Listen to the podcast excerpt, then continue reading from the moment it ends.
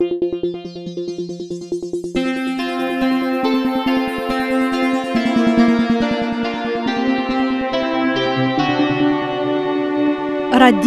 Esperanto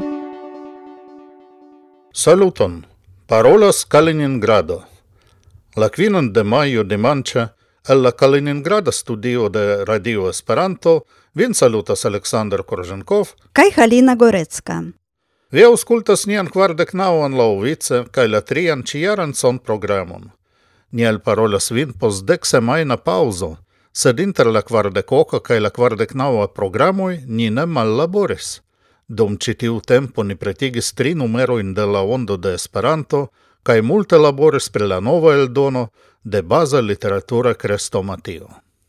Sep semainojn el la dec occupis la granda fasto, kiun sequis la hodiu finigianta pasca semaino, en kies comenzo ni fin fine giuis tritagan riposon en Kaliningrado ca en nia ripozloĝieto en Zelenogradsko. Kiel dirite, vi nun auscultas nian programon teo interalesignifas interalie signifas, ca nia sequa podcasto estos jubilea, la kvindeka, Bona okazo por audi vian opinion pri nia modesta podcasto serio. Skribu, kion vi shatas kaj malshatas en Radio Esperanto kaj pri kiuj novaj temoj ni parolo al vi. Anku son kontribuoj estas bonvenaj. Hodiu vi audos la Kaliningradan filietonon de Halina, kiu ĉifoje rakontos pri du festivaloj, kiu okazas ĉisemajne en Kaliningrado kaj en la menciita banurbo Zelenogradsko. Sekvos Esperanto novaĵoj kaj prezentado de la tri intertempe aperintaj eldonoj de la Ondo de Esperanto, inkluzive de la speciala preskaŭ centpaĝa interlingvistika numero. Poste Helena legos Esperantan tradukon de humura paska rakonto de Nikolaj Leikin, kaj fine de la programo vi konatiĝos kun la unua Esperanto albumo de la itala kantistino Chiara. Bonan aŭskultadon!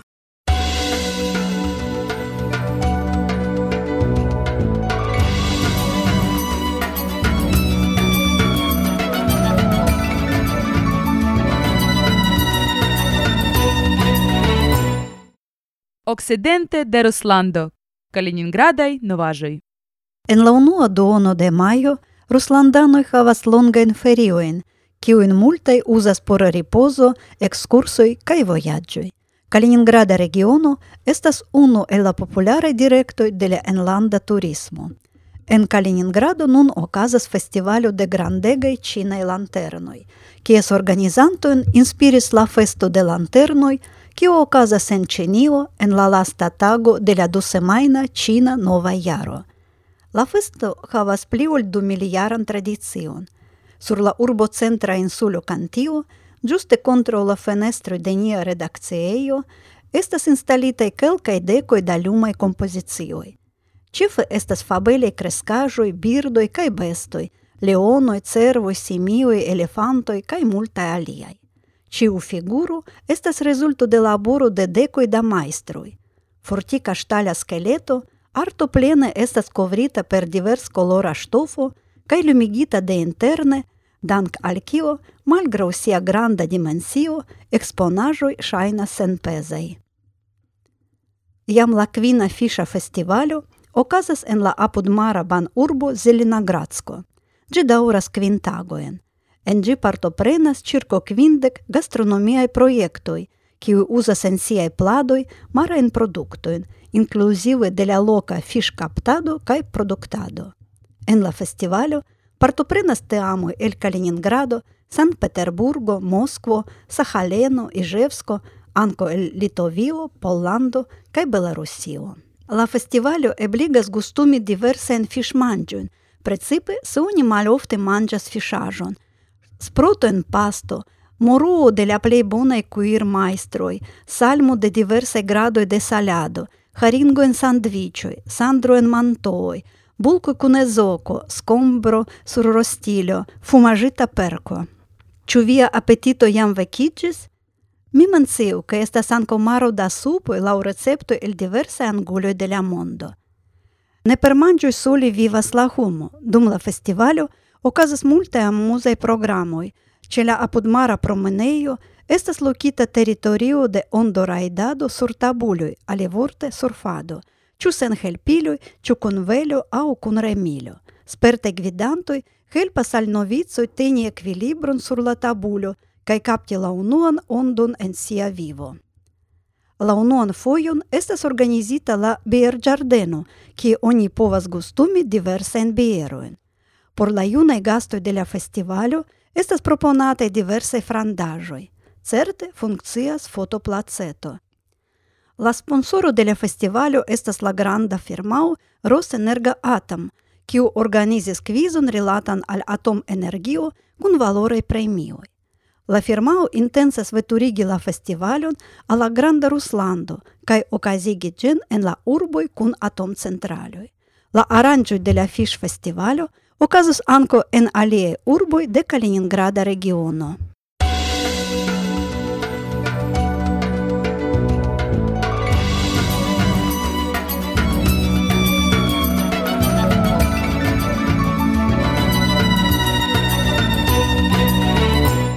Esperanto novaĵoj. La prezidento de Finnlando Saulo Ninisto acceptis esti la alta protectanto de la centquara Universala Congreso de Esperanto, kiu okazos fine de julio en Lahtio.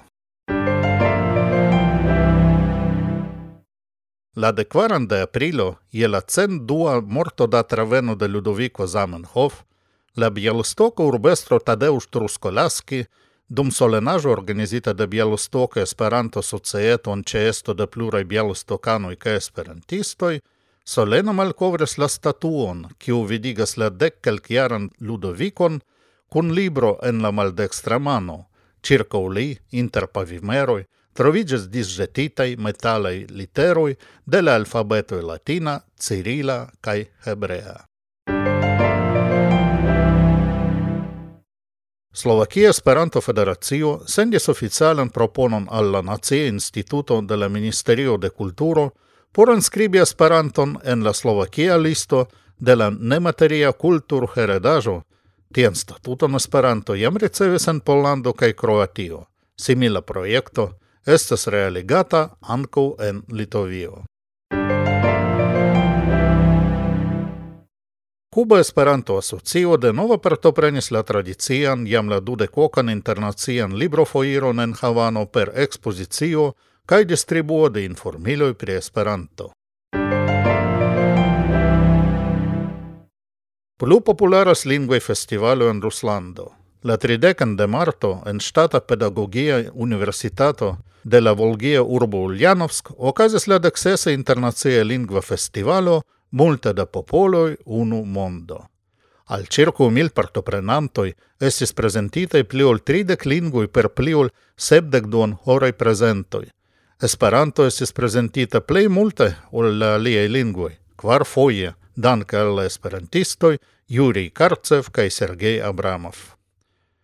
Cadre de la Oca Lerneja Lingua Festivalo la dudecan de aprilo en la urbo Kaluga proxima de Moskvo, Esperanto estis elstare prezentita de aktivuloj de la Moskva Esperanto Asocio MASI, la dekvarjara Petro Fedosov la dekvinjara Roman Ralko kaj la gvidantino de Masi Irina Gončarova.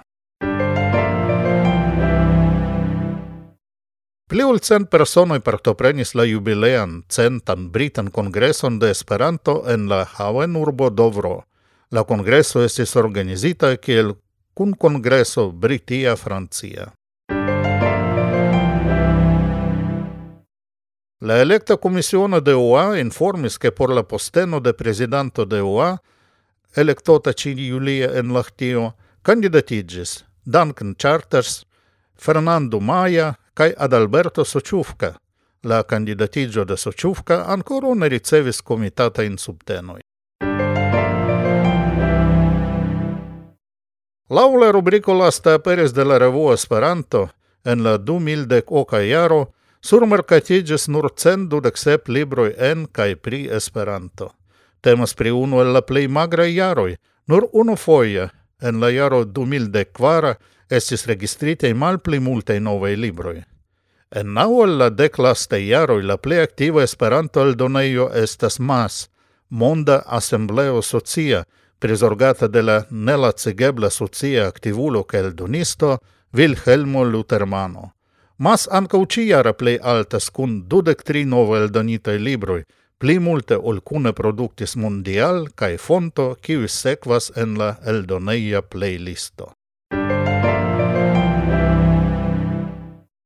Ie la quina de maio, al la Universala congreso de Esperanto en Lahtio aligis nur 766 partoprenantoi el kvindek ses landoj, multe el Francio, sepdek kvar, Σέκβας Φινλάνδος εβδεκδού, Γερμανίος εβδεκδού, Japanijos sesdek, Brazilo kvardekvar, Ruslando tridek ses, Činijo tridek tri, Korejijo tridek du, kaj Polando tridek personoj.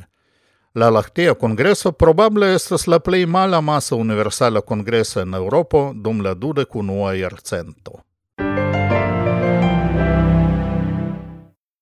Plej novaĵojn el Esperantujo, legu en la ondo de Esperanto, ke nia novajo retejo la balta ondo ce la adreso sezonoi.ru.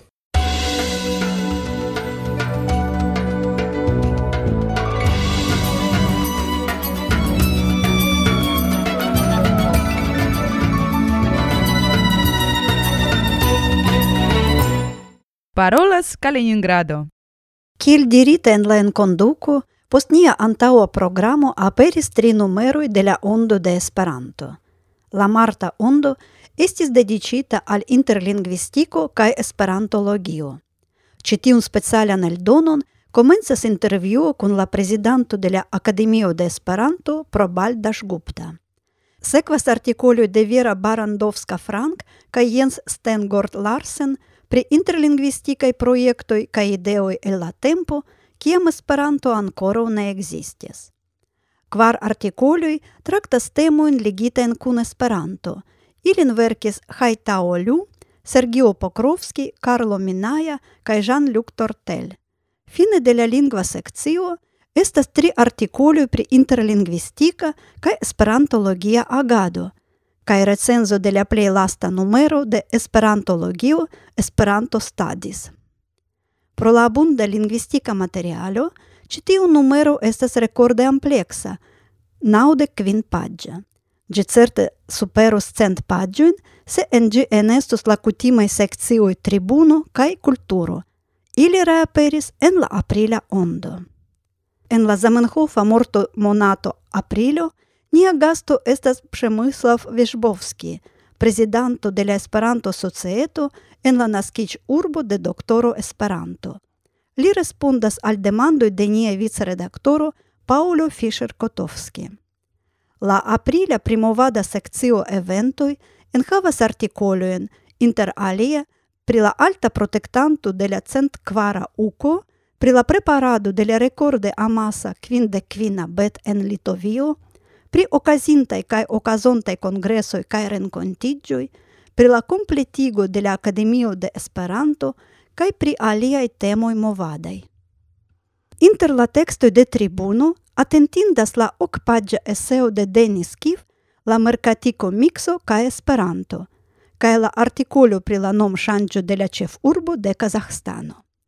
En la seccio archivo estas publicigite la listo de la Esperanta jubileoi kaj memordatoj en aprilo 2019 kaj artikolo de Halina Gorecka kaj Aleksandr Karzhenkov pri Raimond Schwarz, naskiĝinta antaŭ cent dudek kvin jaroj.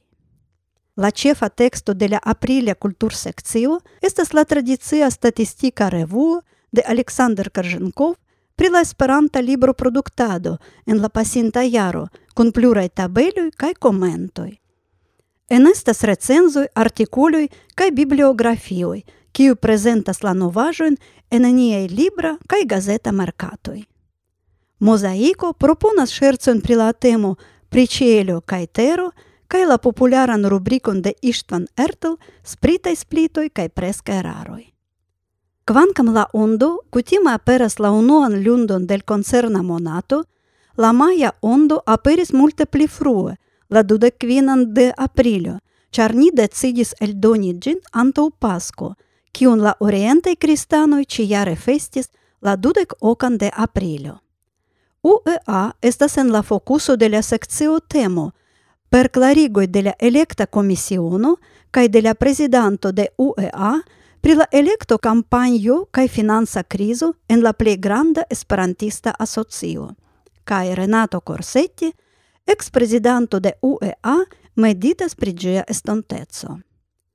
En la ampleksa primovada sekcio eventoj oni povas legi interalie pri la plej nova zeo en la mondo, pri la propono de Esperanto kiel nemateria kulturheredaĵo en Slovakio, pri mez-orienta kunveno en Irano pri dulingvaj festivalo en Ruslando, pri kun kongreso de esperantistoj de Britio kaj Francio, pri landa kongreso en Israelo, pri alie esperantistaj aranĝoj okazinte en Brazilo, Ĉinio, Francio, Nederlando, Pollando, Ruslando, Svislando, pri la okazontaj Universala Kongreso en Lahtio kaj sat Kongreso en Barcelono – anco pri la preparado de la quinde quinae Baltiei Esperanto tagoi en Panivejo, Litovio. Inter la articoloi de tribuno, attentindas la dua, se spagia parto, de la articolo de Pavla Dvoržakova pri la Esperanto Museo en Svitave, Čechio. En la seccio Archivo, Krom la listo de la maia jubileoi cae memordatoi, estas represita uno el la articolo de Hector Hodler el lia ciclo novai Perspektivoi, kiu aperis exacte antau cent jaroj en la maia numero de la revuo Esperanto. La pasca temo aperas en la kultur sekcio per humura rakonto de Nikolai Leikin, kiun vi aŭdos post du tri minutoj.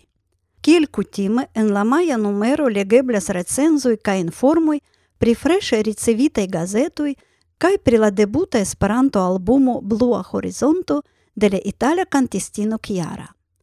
Post longa pauzo en la maja ondo revenas la kulinara rubriko, kiu prezentas la kazahan kuir arton kaj speciale la tradician pladon beshbarmak. La ondo de Esperanto – estas abonebla por la 2019 jaro ĉe la landaj perantoj UEA konto kaj per la internacia pago PayPal. La abonprezo restas la sama jam la trian sinsekvan jaron, nur dek kvin euroj. Ĉiuj novaj abonantoj por 2019 ricevos donace la abonon por 2010 inclusive de la literatura supplemento Orienta Almanaco. Plia informoi estas en ние reteioi esperanto streketo ondo punkto ru kai sezonoi punkto ru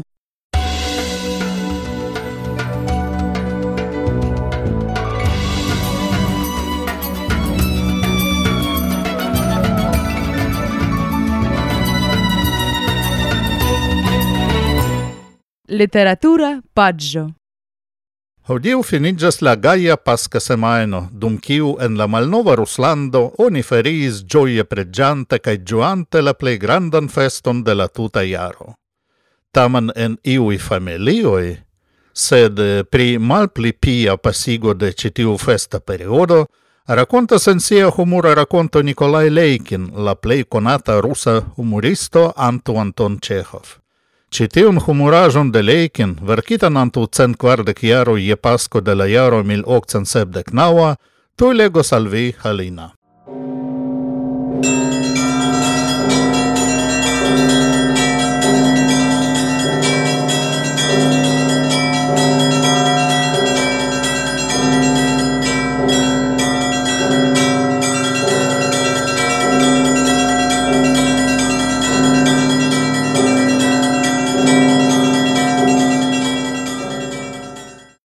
Николай Лейкин. Постлопаска ди серво. Ларича метеисто Панкрату Давидовичу Хавюртов, консией фамилианой, жус ревенис геймен постлафеста паска ди серво. Кристо ресуректис, ли криес ала коеристино, киу малфермис ла пордон, кай коменсис ла паскан кис гратуладон, турнанте алши сиен вангоин, кай туи алдонис, киаль вистультулино шмаца слипе, en la himno estas cantate – ni bracumu unul la alian, sed prikisado nenio estas dirita. Mi prolasento, sinjoro, jen ovo por vi, balbutis la kuiristino. Dankon, Pelagia Dmitrievna, donatso al ŝi responde du ovojn de la dua klaso, li diris al la edzino. La lerno-knaboj senditaj al la preĝejo por konsekri la paskajn kukojn kaj kazeaĵon dume ne revenis, kaj protio, oni ancora ne povis sedigi ce la tablon por malfastidio. Tio iom colerigis la mastron. Ien idolianoi.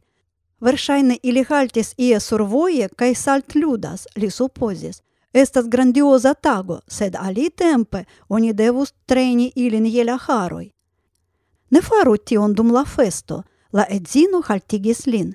Prefere pro tio mi donu al ili fracasitain ovoin, sed ne la sen defectain. La infanoj de la gemastroj paŝis ĉirkaŭ la tablo kun festmanĝoj, tuŝis per siaj fingroj porkfemuran ŝinkon kaj lekis la fingrojn. Ne tuŝu la ŝinkon, kriis al ili la patrino.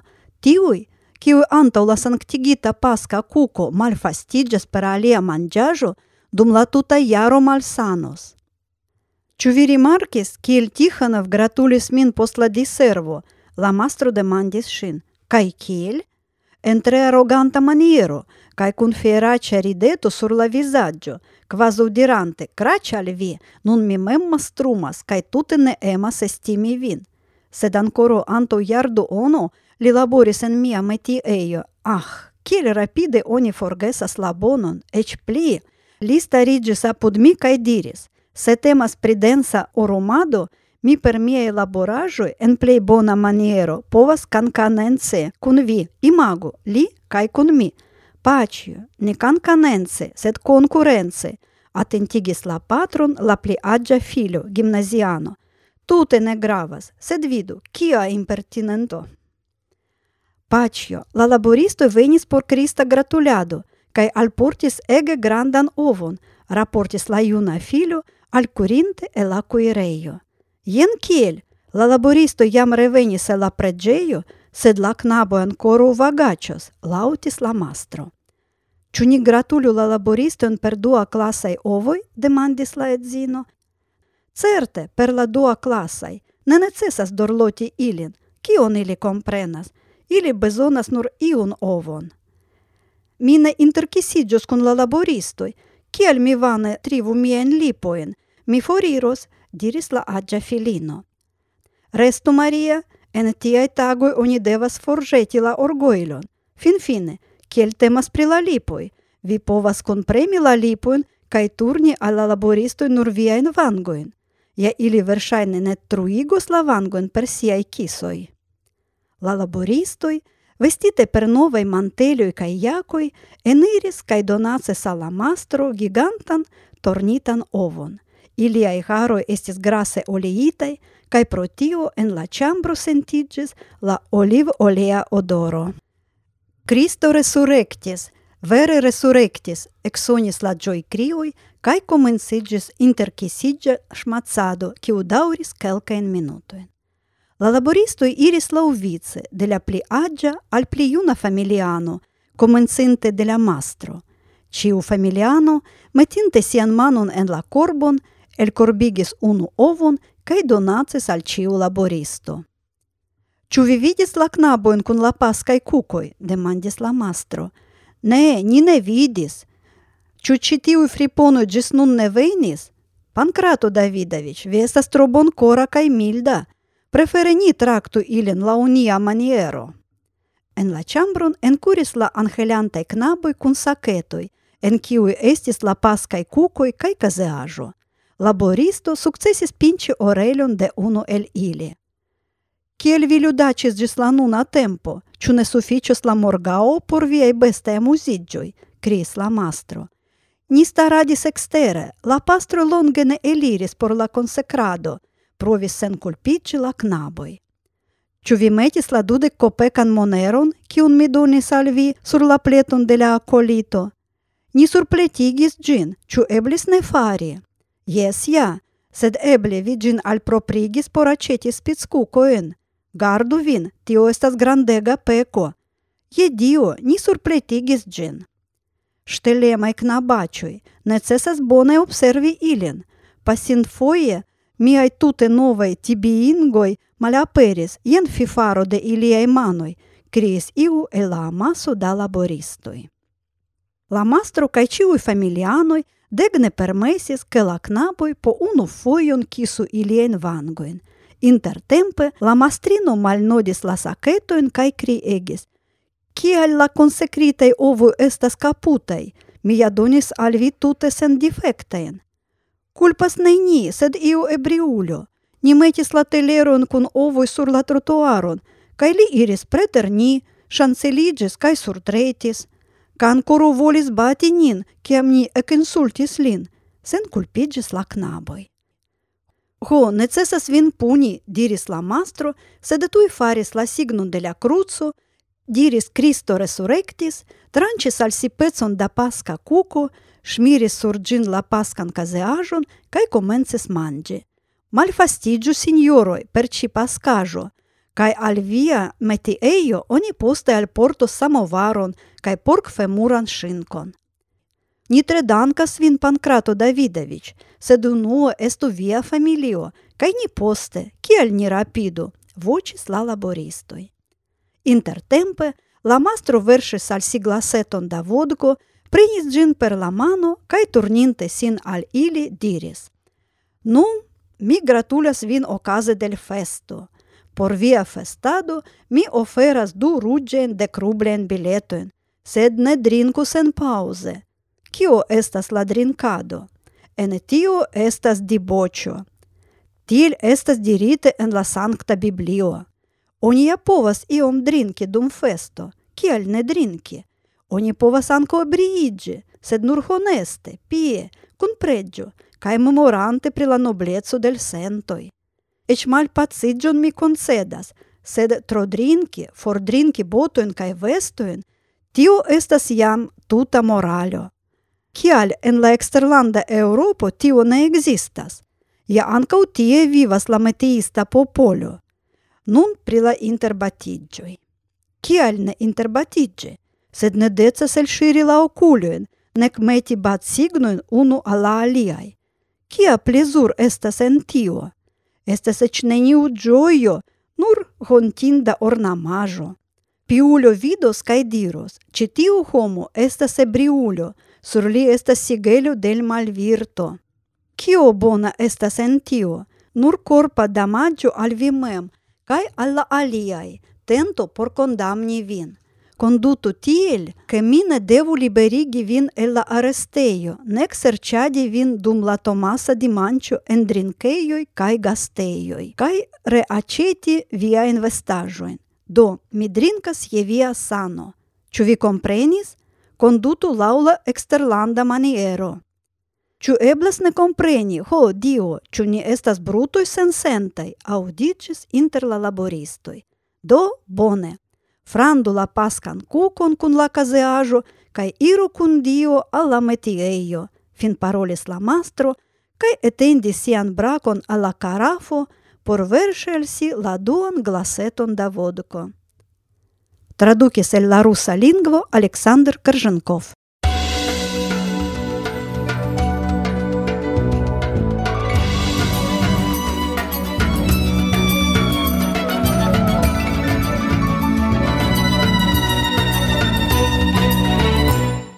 Radio Esperanto. La deknaŭon de aprilo vendrede aperis sur diska kaj elektronike la unua Esperanta albumo Blua Horizonto de la itala kantistino Chiara.